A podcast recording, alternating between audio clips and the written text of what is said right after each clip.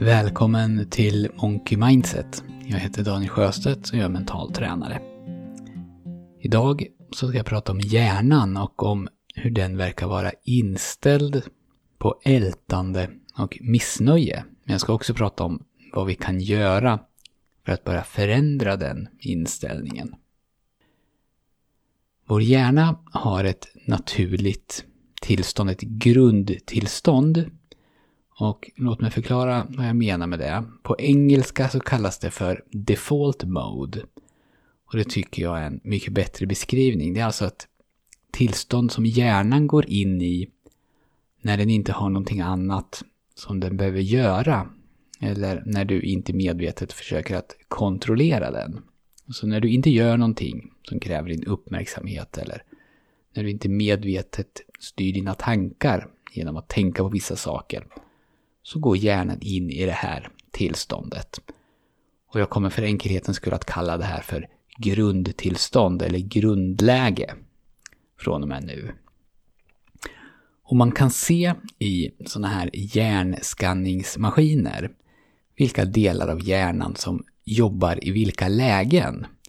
När man utsätts för obehag till exempel, eller ombeds att räkna mattetal. Så beroende vad man använder hjärnan till så används olika delar och olika delar samarbetar. Man kan då se att när man inte gör någonting så är det inte så att hjärnaktiviteten går ner och att den här skannen inte får några utslag. Och det kan du säkert känna igen dig i. Det är inte så att tankarna slår av när du inte har någonting att göra. Snarare så känns det ju till och med som tvärtom ibland. Utan det är ju då fortfarande delar i hjärnan som jobbar, som då jobbar i grundläget. Och olika arter har olika grundlägen. När man kollar det här grundläget hos, råttor till exempel, så nosar de.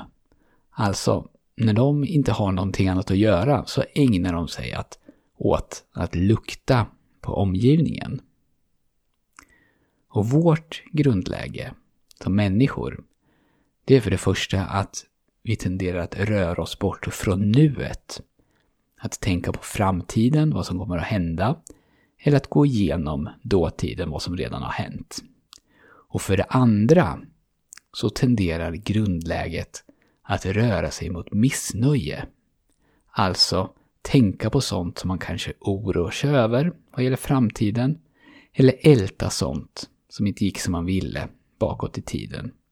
Eller övriga saker som man är missnöjd med. Kanske saker om en själv. Eller om de man har i sitt liv. Eller sitt jobb. Och så vidare. Alltså sånt som är fel.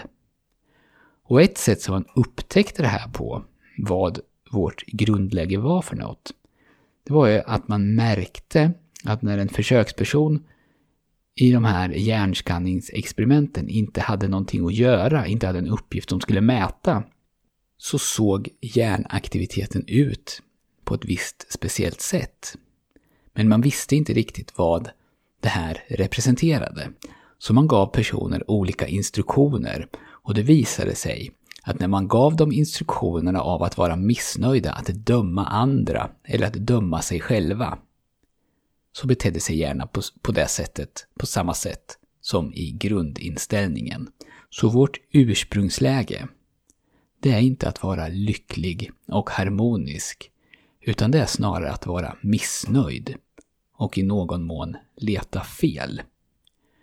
Och när man tänker evolutionärt så är det ganska logiskt. För vår biologiska utveckling syftar ju inte till att vi ska vara lyckliga, utan att vi ska överleva. Och hos vissa av oss så är det här grundläget starkare än hos andra. Om man ombeds att ägna sin uppmärksamhet på någonting specifikt, som att räkna matte till exempel som jag nämnde förut, så börjar ju då andra delar av hjärnan att jobba.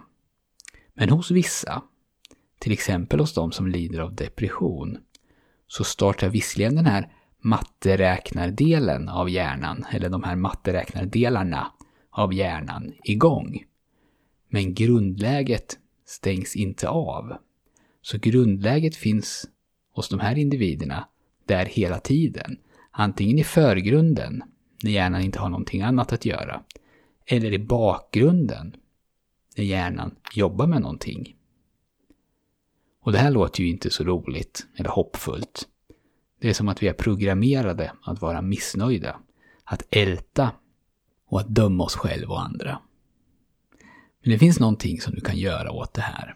Och där kommer vi in i det som vi pratade om förra avsnittet, de här tre delarna av självmedkänsla och övningarna som jag rekommenderade. Och vill du veta mer vilka övningar det är så hänvisar jag till förra avsnittet, avsnitt 85. För när du gör de här övningarna, en handlar om att skriva och en handlar om mindfulness, så förändras ditt grundläge till att bli mer snällt mot dig själv. Du blir mer trygg i dig själv. Och även så förstärks eh, känslan av att man är en del i någonting större. Den här kritiska och missnöjda rösten förändras.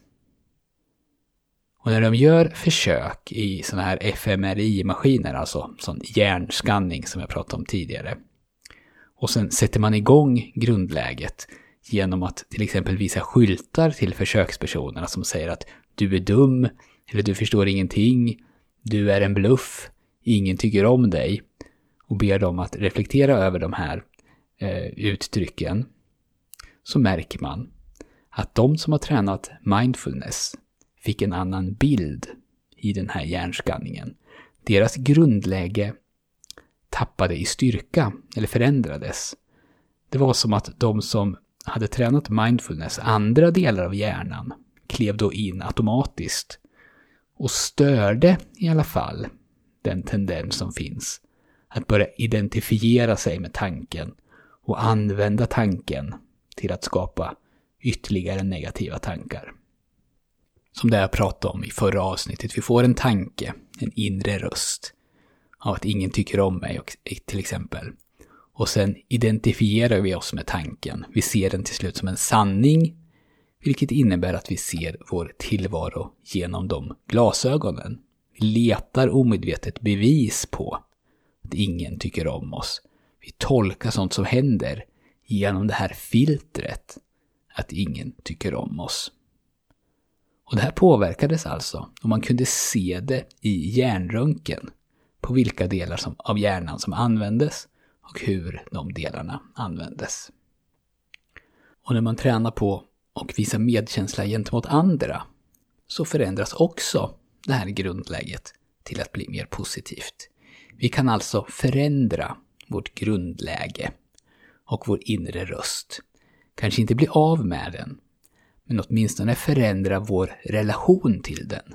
Så att vi blir medvetna om när den inre kritikern tar över och då tar tillbaka kontrollen över vårt sinne.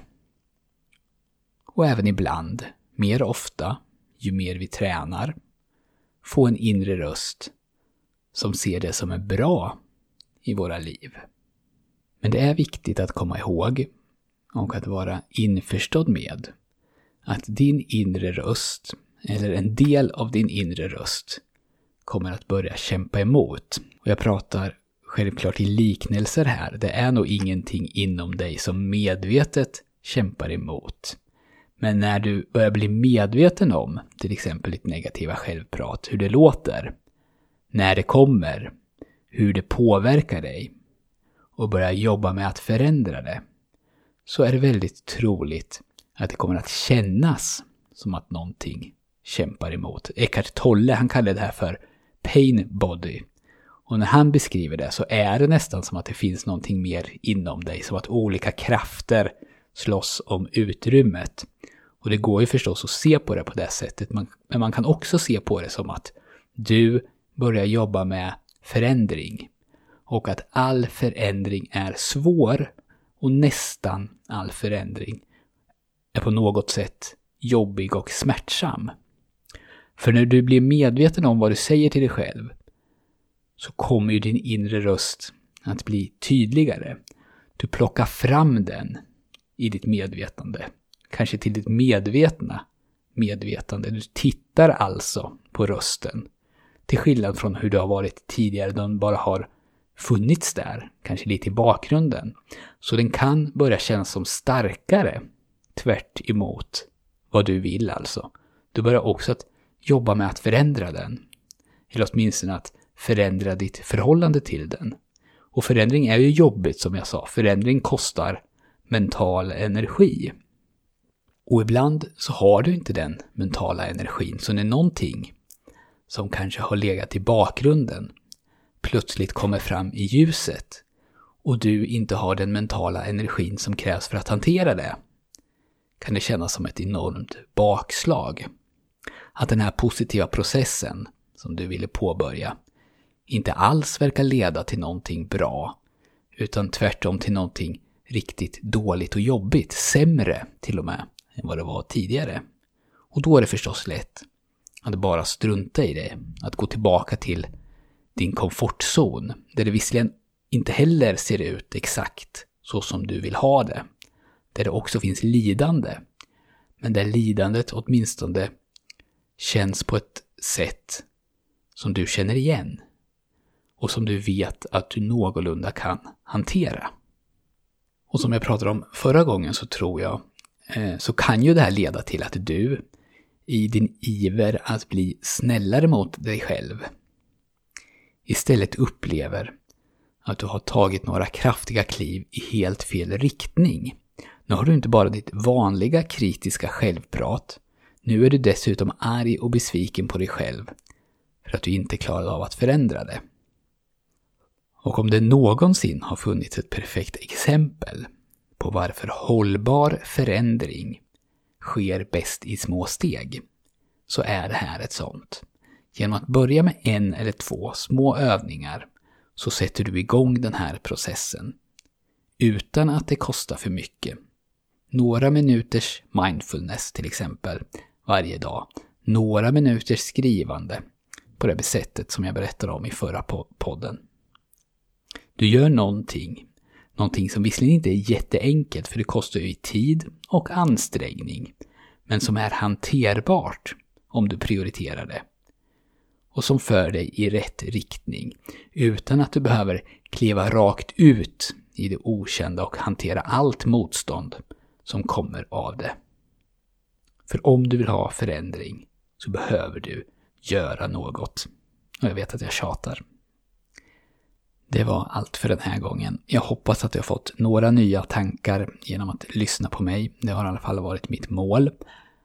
Lämna gärna en recension på iTunes om du vill och om du vill ha övningarna som jag pratar om så beskriver jag dem i det förra avsnittet som sagt. Men du kan också få dem på papper och som ljudfiler. De finns i extra materialet till den här podden. Och du kommer åt det genom att gå till monkeymindset.se och klicka på knappen som jag tror det står klicka här på och ange din e-mailadress. Stort tack för att du har lyssnat. Jag hoppas att vi hörs snart igen.